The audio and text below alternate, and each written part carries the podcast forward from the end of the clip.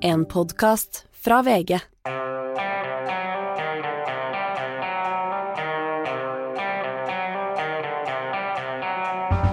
Ikke visste jeg at alle disse dagene som kom og gikk, de var selve uke 13, og dermed er vi kvartveis i 2023 allerede, Hanne. Ja, Er det godt eller dårlig nytt, syns du? Eh, du, nå har jeg vært, nå har jeg liksom beskjeftiget meg litt med, og vi har jo diskutert ganske kraftig på, på leder- og kommentaravdelingens møter også, og i podkastavdelingen, eh, kunstig intelligens.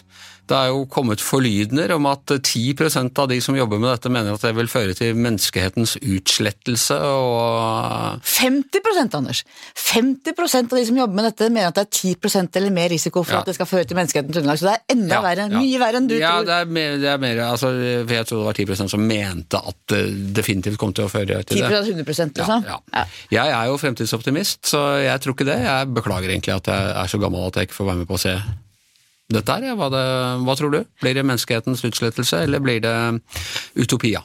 Jeg er mer, eh, som vi om på i dag, og jeg er mer pessimistisk enn deg. Jeg ser at eh, altså, all teknologi kan brukes både til godt og vondt, men dette her er så kraftfullt at hvis the evil people, som jo fins der ute, bruker det, makser det, så tenker jeg at det kan bli veldig alvorlig følge for menneskeheten. Men de onde menneskene, som vi kaller dem på norsk, eh, hva de har jo alltid, altså Hvis de får kontroll over atombomben eller eh, eh, militære overlegen, eller noe sånt, så er vi jo Det er jo ikke noen ny utfordring, det. Sånn har det jo alltid vært. Eh, Nei, man kan si Atombomben avføder jo ikke en ny i seg selv en ny enda verre atombombe. Det har liksom vært Menneskene har hatt kontroll med den teknologiutviklingen hele veien, mens her snakker vi om teknologi som, som mange tror kan på en måte etter hvert kanskje til og med bli, få egen vilje, egne følelser. I hvert fall kan utvikle ting utover det menneskene ønsker, fordi at den har sin egen utviklingskapasitet. Ja, men da vet jeg hva vi gjør. Da bare sender vi en fyr tilbake til fortiden til å utrydde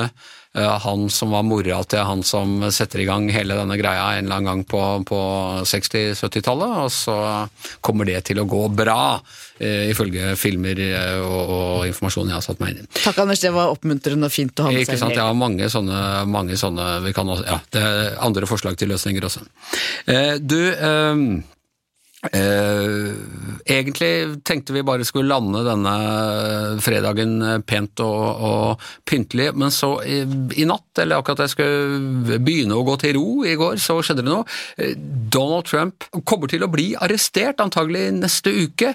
Eh, Kanskje paradert foran eh, pressen, slik man gjør med arrestanter i eh, USA, i håndjern. eh, Inn tas fingeravtrykk av, bookes, få en sånn mugshot eh, som en vanlig simpel kriminell. Den første i USAs historie, første president i USAs historie. Ja, Så da fikk han rett, da. Ja, han fikk rett, rett og slett. det, skjedde, det skjedde litt etter at han sa. Det var ikke På tirsdag. ja, eh, det var ikke ja. Men, eh, men det er jo Jeg får liksom ikke helt hodet mitt rundt i uh, hva man skal tenke om dette her. Altså er det uh, Det er jo et uh, sykdomstegn på det amerikanske demokratiet. Samtidig er det også et tegn kanskje på at det amerikanske justissystemet fungerer. Ja, dette har vi snakka om før, Anders, om dette på en måte ville føre til at det ble enda mer polarisert og ødeleggende både for valgkamp og demokratiet, eller om det viser at rettsstaten fungerer, det er likhet for loven, som er sånn, som hele USA egentlig hviler på. Ja. Rule of law, likhet for loven, ingen er over loven. Ja. Eh, Som jeg tenker at Det viser jo dette mest av alt. Og du ser på de politiske reaksjonene. altså hele, altså Republikanerne i Representantenes hus, eh, en god del av dem som skylder jobben sin til, til Trump, de er ute og legger nå da et enormt press på og snakker om at han eh, district attorneyen og, og legger et press på han og holder han ansvarlig. Men i Senatet så holder eh, republikanerne kjeft. Ikke fordi de mener at nødvendigvis at dette er riktig, men fordi de mener at man skal ikke blande seg inn i, i domstolene. Så der har du to sider egentlig av eh, hvorvidt systemet fungerer. Ja, og det forteller jo også om eh, at det er senatorene som er liksom overhuset, de gode gamle, som har forståelsen for maktfordelingsprinsippet, nemlig at det er en maktfordeling mellom dømmende makt og lovgivende makt. Mens de, mange av de som har kommet inn siste, har jo vært Trump-tilhengere og eh, er jo på en måte mer de som er, sitter to år av gangen. Det er et helt annet tempo der enn det er i Senatet, og det er mer hva skal vi si, lange tankene blant senatorene. Så er jeg litt usikker på um, altså For det første, hvis jeg skulle velge, så skulle jeg ønske at det var, at det var uh, opprøret, eller oppstanden, 6. januar for to år siden, som var uh, det, Og det kan jo selvfølgelig komme, men det er klart at disse sakene tar, tar litt fokus for hverandre. Akkurat denne saken her er jo den minner meg om, og en sak som du husker godt, for da bodde du eh, tidvis i USA, John Edwards, som var eh, den tredje kandidaten blant demokratene i 2008, da det til slutt sto mellom Hillary eh, Clinton og Obama. Eh, han var en sånn sleip eh, sørstatsadvokat. Eh, var sammen med en kreftsyk kone. Var du på noe møte med dem eller sånne ting? Jeg bare husker at du var opptatt av det da. Nei, men jeg var jo veldig opptatt av hun kona, for hun hadde jo De mista jo eh, et barn. Ja. Og så, da hun var over 50, tror jeg, så ønsket de å få flere barn, og da gikk hun på masse hormonkurer masse sånn for å bli gravid, og så fikk de to barn ganske tett. Mm. Og så han, var det antagelig den hormonkuren som gjorde at hun fikk kreft, Ja. og lå for døden. Og han var da, skulle være en lojal ektemann. Not. Nei. Og, og, hun, og det var en av hans politiske styrker, var, for han var en glatting og en sånn uh, ambulansejeger av en uh, advokat, men hun var veldig sånn uh, amerikansk, omfangsrik, ordentlig dame. Litt som- store mor. Ja, litt store mor og menneskeliggjorde han, og, og veldig mange likte det at han var gift med en sånn kvinne og ikke en eller annen sånn trophy wife. Elisabeth Edwards. Ja. Kul dame. We told you all that to tell you this. Altså, han hadde da vært uh, utro med, med en uh, sånn uh, dame han selv hadde da ansatt i, i kampanjen som het Real Hunter, som drev og videofilma alt han drev med. Og han hadde brukt penger for å holde dette skjult. Det var veldig mye av det samme som Trump og Stormy Daniels. Det ble tatt ut en tiltale, og det var vel også en rettssak, eller i hvert fall en storjuryhøring. Men da slapp han unna, fordi han sa at ja, men dette var ikke poli... Altså dette var penger for det første jeg fikk av venner av meg, det var ikke politiske donasjoner. Og det var altså ikke av politiske årsaker, men for å holde det skjult for min da kreftsyke kone. Eh, og det slapp han unna med. Og det må jo Trump også kunne si, da, at dette var ikke av politiske årsaker, det var for å holde skjult for Melania. at jeg da må han selvfølgelig innrømme at han har vært sammen med Stormy Daniels, som han mener at han aldri ville vært sammen med fordi hun har et hestetryne, men, men allikevel, det, det, det høres ut som en mer sånn prosaisk ting som du kan slippe unna med der. Ja, men samtidig så er det vel mye som tyder på at dette var også politiske penger, og at det også var for å skjule det politisk? Eller altså, det er vel mer politikk i denne saken enn det var for Edwards? Eller han kunne kanskje med større tyngde, fordi han har vært så opptatt av å fremstå som en lojal ektemann, bruke det som argument, mens Trump jo aldri har hatt veldig mye vekt på å fremstå som en lojal, god ektemann. I hvert fall har han ikke sett sånn ut. Nei, han har jo nekta for alle, alle utroskapen, og så tror jeg dette går også på amerikanske bokføringsregler, rett og slett. Hva er disse pengene blitt bokført som, og hva er det liksom, er det sånn at man skjuler ting for type bokettersyn, og uh, det er litt sånn Al Capone som ble tatt for den store gangsteren som til slutt ble tatt for skatteunndragelse. Men uh, men, men, jeg tror allikevel liksom at denne er innenfor en uh, mer Altså, lignende ting har skjedd før. Det vet vi at presidentkandidater har gått ganske langt for å stoppe uheldige ting fra fortiden skal komme fram. Jeg tror ikke det er der Donald Trump skiller seg vesentlig fra en John F. Kennedy, for å si det sånn. Men det er interessant dette mafiaeksempelet du trekker frem, at kanskje må du bruke en bitte liten, ikke så vesentlig sak for å felle en fyr som du vet har gjort langt verre ting, men som det er vanskeligere å bevise. Ja, det kan du si, men sånn skal jo egentlig ikke lovverket fungere, fungere heller. Da. Det skal jo tas for de gærne tingene du har gjort. Og, Ja, absolutt. og i det hele tatt. Så jeg, altså, han er jo en annen som også er spennende, er hvor, uh, om det var kriminelt, hvor mye press han la på, på i Georgia, var det vel, uh, opptellingsmyndighetene der. Men aller mest uh, syns jeg nok at, at 6. januar er, er det som trengs å rettslig belyses. Ja, men Det er jeg helt enig i. Det er jeg helt enig i. Det er så fortsatt så jeg kjenner at jeg synes det er nesten vanskelig å ta inn hva som faktisk skjedde den gangen, og hvilke konsekvenser det kunne ha fått. Ja. De lekkes jo ofte, disse mugshotene. Man har jo masse berømte sånn, Du har bilde av Bill Gates i mugshot, han ble tatt for noe uh, har kjørt for fort den gangen han var student, og det er masse sånne amerikanske Hugh Grant og ja, celebrities, ikke sant, som det har. Det blir veldig spennende om du får det. Altså, Første presidenten med egne mugshot, det er historisk. Ja, det er virkelig historisk. Denne helgen så er det riksdagsvalg i Finland. De har det hvert fjerde år, akkurat som eh, her i, eh, i Norge. Eh, landet er delt inn i 13 valgkretser, hvor til sammen 200 representanter som skal velges. Og det ser litt mørkt ut for vår favoritt Sanna Marin, Per Olav?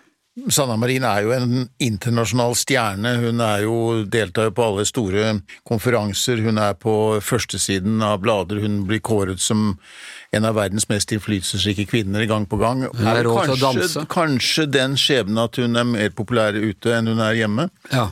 Det er, det er det jo en del statsledere som er. Vår venn Obama var også litt sånn. Mm, nettopp. Uh, populær hos deg også, Hans Petter? Gjort seg veldig uh, populær internasjonalt, og, og veldig tydelig f.eks. I, i spørsmålet om våpenstøtte og generell støtte til Ukraina. Så hun har vært en veldig markant statsminister for, for Finland i, i, en del år nå. så ja, det er jo veldig jevnt, da. Men hun er aldri, hun er aldri valgt? Hun, uh... tok, nei, det er sant. Hun tok jo over etter forrige statsminister for Sosialdemokratene, da. Uh, uh, men det er, jo, det er, jo, fryktelig jevnt i det valget. Det er, det er tre partier som ligger så å si likt på meningsmålinga, og det er vel sånn i Finland, så vidt jeg forstår, at det er det partiet som blir størst, som, som får et oppdrag med å danne regjering. Så det, det, er jo ikke, det blir jo spennende å følge på på søndag. Hva er de store sakene her, Per Olav? Ja, De store sakene er egentlig, som det gjerne er i valg, økonomi. Eh, og Det handler om privat økonomi, og det handler for så vidt også om statens finanser. Finland har jo opplevd den samme høye prisstigningen som vi har her i landet og i resten av Europa.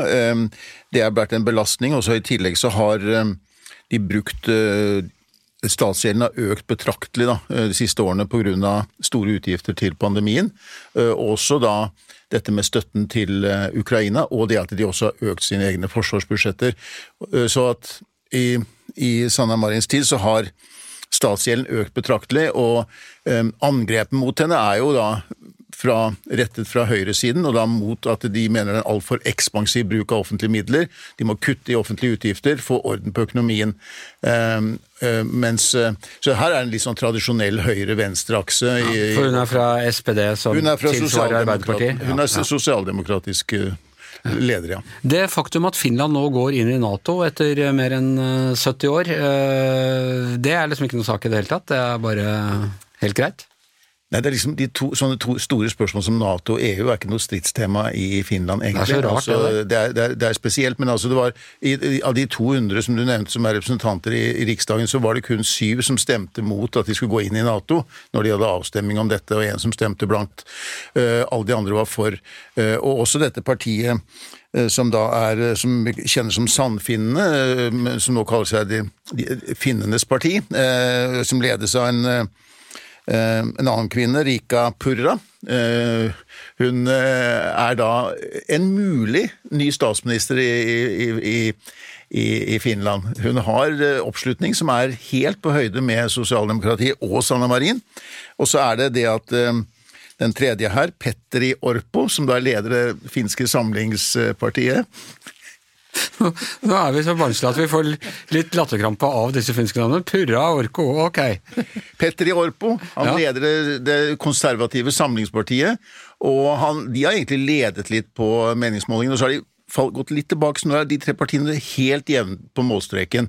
Eh, og den som blir størst av de, kan danne regjering. Så det er også en eh, veldig populær eh, Sanna Marin internasjonalt som står opp mot det kan bli styrtet av enten en høyrepopulist, en annen kvinne, eller en mer klassisk høyremann. Ja, Sindre Høyerdal, du ler litt av disse finske navnene. Du og jeg er de barnslige som ler litt av de finske navnene. Men du har interessert deg for finsk politikk svært lenge? Altfor lenge, egentlig. ja. Jeg skrev mellomfagsoppgave i statsvitenskap jeg, om eh, finske koalisjonsregjeringer på 90-tallet. Ja.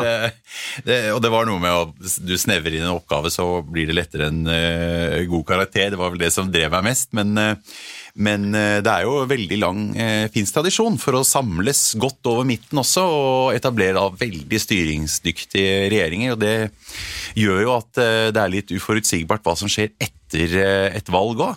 Og Finland er fascinerende. Men når Per Olav begynner å snakke her også om Sanna Marins noe falmende stjerne, selv om hun er stor internasjonalt, så begynner jeg å tenke litt på Winston Churchill òg. Altså, vi skal vokte oss vel for å sammenligne for mye, men han ble jo avvalgt i 1945. Mm. Nå er han en av heltene. Nå har jo ikke akkurat Sanna Marin, selv om hun har gjort mye bra, hun har ikke akkurat vunnet annen verdenskrig. Det har hun ikke. Men mens han da var med på koalisjonen som veltet uh, Hitler, så, så, opplevde mange briter uh, en levekostnadskrise i 1945. Og britene hadde jo også fått en voldsom statsgjeld uh, av å delta i krigen. Og så blir han avvalgt av velgere som tenker med lommeboka. Eh, og så har vi Sanna Marin, som jo i hvert fall har en høy stjerne internasjonalt og har vært med, eh, veldig pådriver i koalisjonen mot eh, Putin.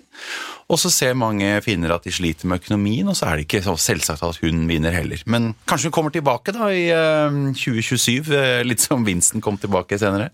Han kommer litt, Churchill kommer tilbake litt som en sånn, nesten sånn novelty act. Han var jo så, så å si ferdig i politikken. Han fikk en ny eh, runde helt på tampen av karrieren nå, men det, det nederlaget i 45 til Clement Attlee må jo være det største nederlaget for en, for en, eh, for en politikerstjerne noen gang i et demokratisk valg. Men, eh, men, når du kommer til Finland, så er det, jo, er det jo Apropos når du driver og skryter at du har statsvitenskap, Sindre, så kan jeg si at jeg har det òg. Og eh, det vi lærte der, var jo at, at regjeringene er jo veldig mektige rundt omkring, men in, but in Finland the president rules, som vi, vi fikk høre. Og presidenten i Finland har veldig veldig stor makt. og det er jo ikke, Han er jo på valg neste år, Sauli Ninistø. Så at det er viktig som sitter og er statsminister i Finland, selvfølgelig, men de har også et nivå på en måte over der igjen, som, som vi ikke har i Norge, da. Og det, det, er jo riktig at Ninistø som president har jo vært den som på en måte først tok opp eh, Nato-debatten i Finland, og som på en måte har vært førende med å drive den igjennom også.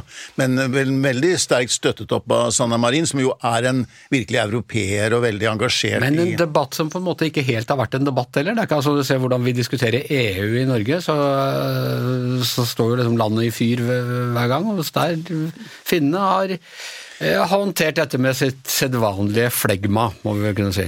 Ja da, og det er liksom ikke de dramatiske utslagene på meningsmålinger sånn heller. og de, de, de, det, er, det, er, mange som sier at den finske valgkampen er liksom veldig kjedelig, at bare, til og med den svenske blir veldig engasjerende og spennende i forhold. Mm. Men samtidig så har de jo en Kjedelig er bra i politikken. De har jo en bra Altså, de har jo en røst, de som er mot EU der også, for um, Rika Purra uh, og hennes sannfinner, eller finnenes parti. De er jo mot EU. De står i partiprogrammet at de skal melde Finland ut av EU. Det er et ganske upopulært standpunkt i Finland, så hun ikke, kjører ikke særlig mye på dette i valgkampen. Det, og hun vil Det er omvendt av Norge. Ja, det, er, liksom, det, er noe, det, er ikke noe populært å si at du vil inn, så ingen snakker om det selv om de er for. Nei, men altså, de er mot liksom, at uh, Brussel bestemmer for mye da, mm. uh, i ja. finnenes liv, og, og, de vil på sikt ta Men hun sier at det er ikke aktuelt å gjøre det akkurat nå. og, og, og og, hun vil utvilsomt Hun vil ikke klare å sette sammen noen regjeringskoalisjon hvis hun skulle ha det som plattform, for det er ikke noen andre partier som Men hun er stor nok til at hun liksom Ja, kan bli statsminister? Hun kan bli, hun kan bli statsminister. Det kan også da Petter i Orpo, ja. som er den høyre Og Hvis hun blir det, noe av det positive med det er at da kommer jeg til å venne meg til navnet, så at jeg ikke blir kniste hver gang du sier Rika. Er, hva var det hun het? Rika Purra?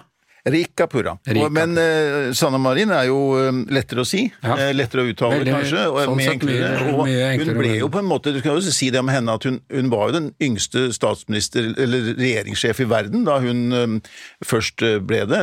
Da var hun bare 34 år. Hun er ikke rukket å bli mer enn 37. Nei. Og hun Eh, og hun har jo på en måte blitt en eh, representant for en ny generasjon i politikken. Og et Purra? For mange kvinner, tror jeg. Hva? Rika Pura, hvor gammel er hun? Hun er ikke mer enn 45, hun heller. Og så har du en mer sånn middelaldrende høyremann som da kanskje blir den neste statsministeren. Ja.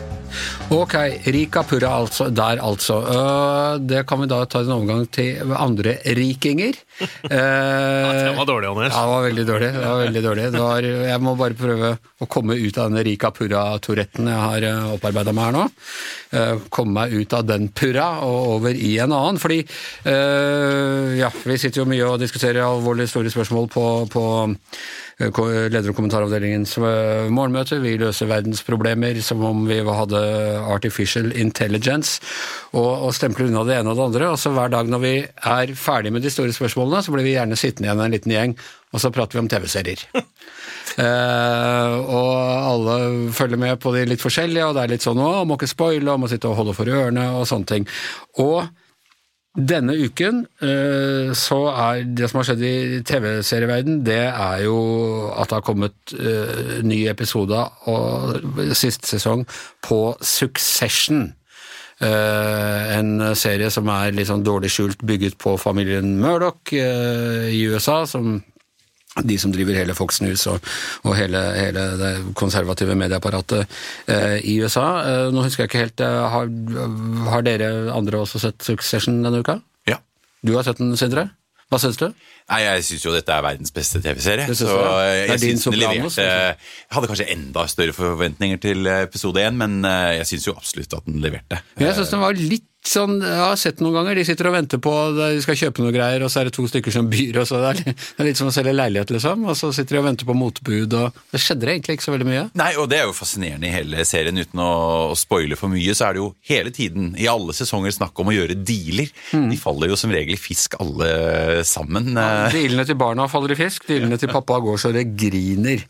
Men eh, da var det, jeg tror det var Trine som gjorde så oppmerksom på, uh, Hans Petter, at veldig mange av TV-seriene nå handler om at, rike, at du ikke blir lykkelig av å være rik. Det er om rike menneskers problemer. Ja, nå har ikke jeg sett Succession, som dere snakker Tro om her. meg, den handler om rike menneskers ja, problemer. den har jeg forstått hørt om virkelig rike folk, eh, men det har jo en del andre. Du har jo Exit i den norske serien som hadde Ja. sesong tre nå. ikke sant? Det handler jo om rike folk som, eh, uten å spoile for mye, kanskje ikke det går så veldig bra med, da. Rike og ulykkelige. Ja, og, Og dysfunksjonelle. ja, og så har du en serie som den greia White Lotus, som alle snakker om også. Den er jo nå satt den andre sesongen ned til Taormina, der vår venn Yngve Kvistad har sitt eh, andre hovedkvarter her i verden. Men det handler også om, eh, om eh, rike folk på, eh, som det går ganske dårlig med. Og, eh, og så har vi en serie som, eh, som vi har sett, Anders, som heter For Fleishman in Trouble, som går på uh, HBO, vil jeg tro. Disney Ja. pluss, kanskje. Og den, eh, den eh, handler også om, om eh, rike, vellykka folk fra, fra Manhattan, og det er vel mer sånn Det er sånn folk som du omgås når du er borti staten her. De er rikere enn eh, de jeg kjenner. Det som er, altså, jeg likte de første episodene av den, men det, så sklei den litt ut. Men det, for det første så handler det om det jødiske New York, som både Per Olav og jeg er ganske glad i og opptatt av. I hele den litt sånn Woody Allen-aktige verden. Mm. Men det er også noe med at han hovedpersonen han er sånn svært godt betalt uh, hjertekirurg, er han vel, på et sånt privat sykehus der. Tjener tilsvarende tre millioner eh, norske kroner i året med, med dagens valutakurs. Og han blir sett litt ned på av de andre rikingene fordi han bare er lege, fordi jeg er hedge fund manager og sånne ting, så hver gang han forteller at han er lege, så sier de 'good for you', som Ja. om han liksom uh, driver en eller annen sånn uh, liten veldedig organisasjon eller noe sånt. Han er lønnsslave bare, han da, i forhold. Rett og slett, rett og slett. Og Så har handler det jo litt om, om en kone der da, som jeg syns han er litt lite ambisiøs her i verden. For han skulle heller fått seg en jobb som eh, ja, sitte i den og styre her og der, og, og være litt i, i det private næringslivet på en, på en litt annen måte. da.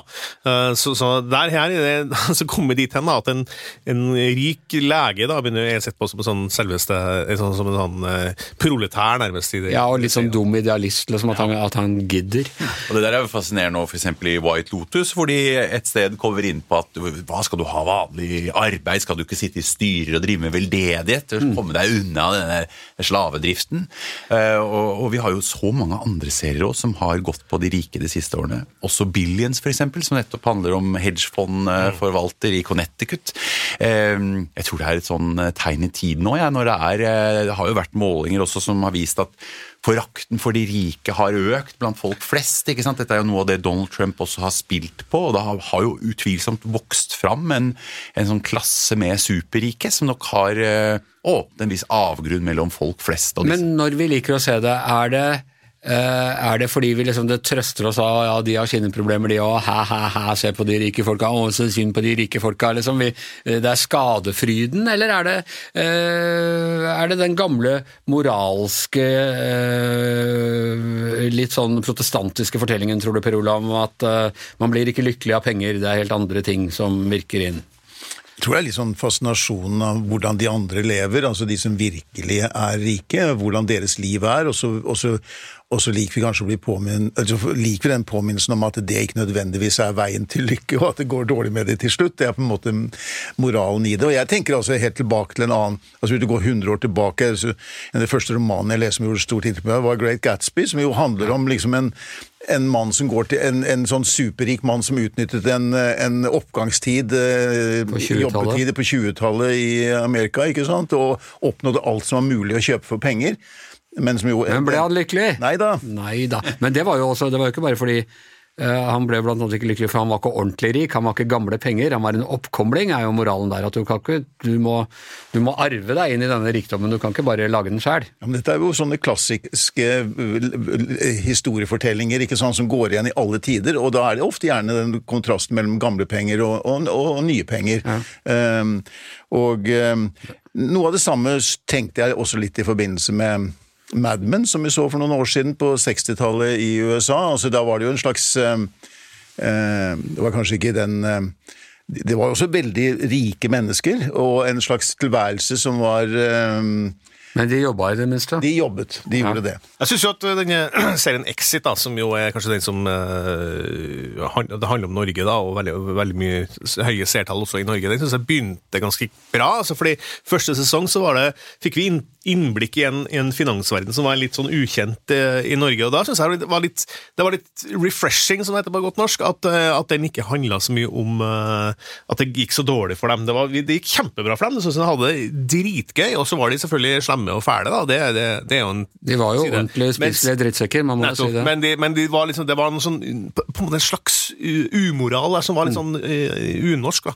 Uh, som, som gjorde det litt fascinerende, i hvert fall, og litt annerledes. da. Mens, uh, mens da den nye sesongen som kom nå, den siste sesongen av Exit, den handler jo den, da, da kommer vi inn til de klassiske greia at at det går Det her er bare med, man- med Penger er roten til ulykke, nærmest. Det går skikkelig skikkelig dårlig for de, de karene. Akkurat som at det var et slags behov der ute for, for TV-seerne å se at, at det her måtte gå dårlig til slutt. Hva tror du, Sindre, du er den av oss som eh, kjenner norsk finansverden eh, best. Er, eh, er Exit en sosialrealistisk serie?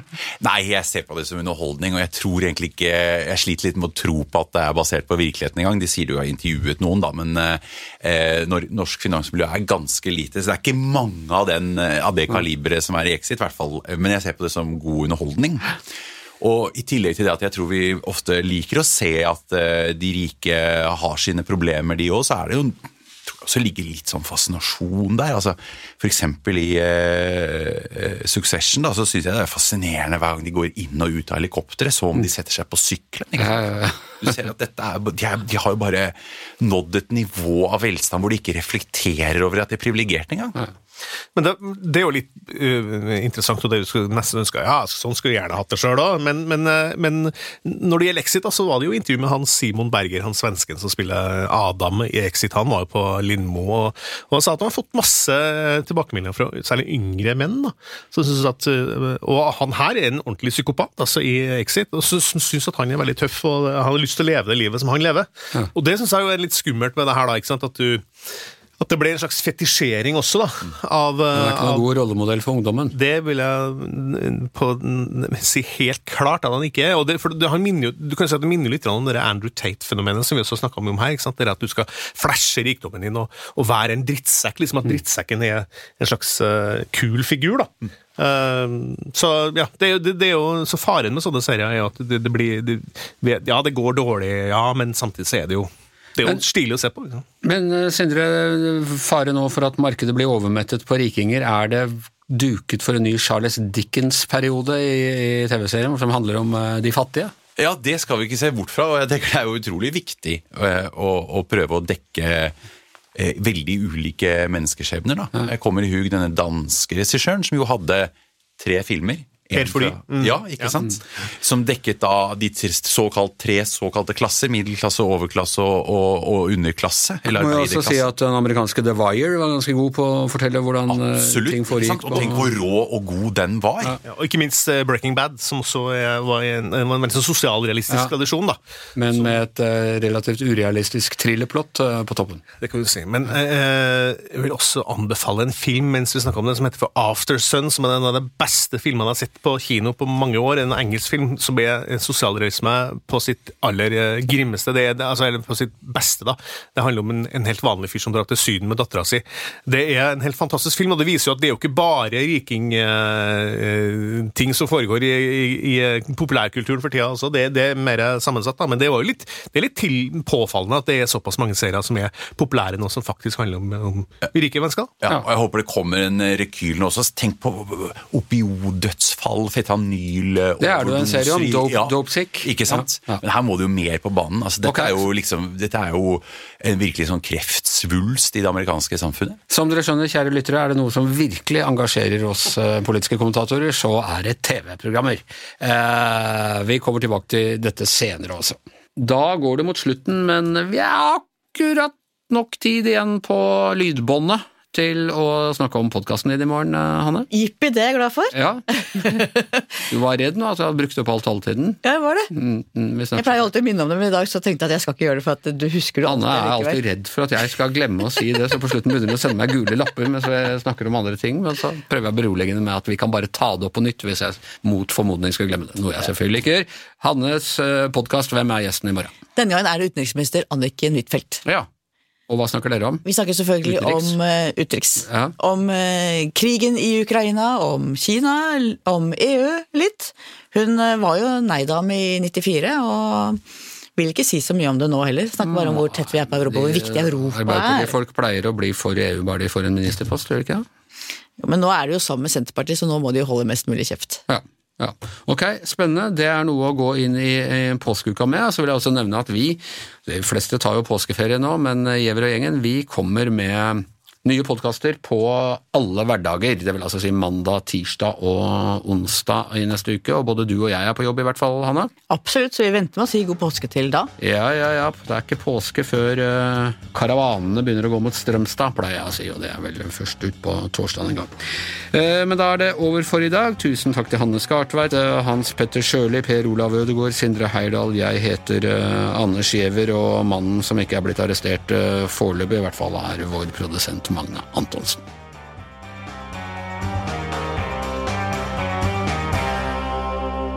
Du har hørt en podkast fra VG.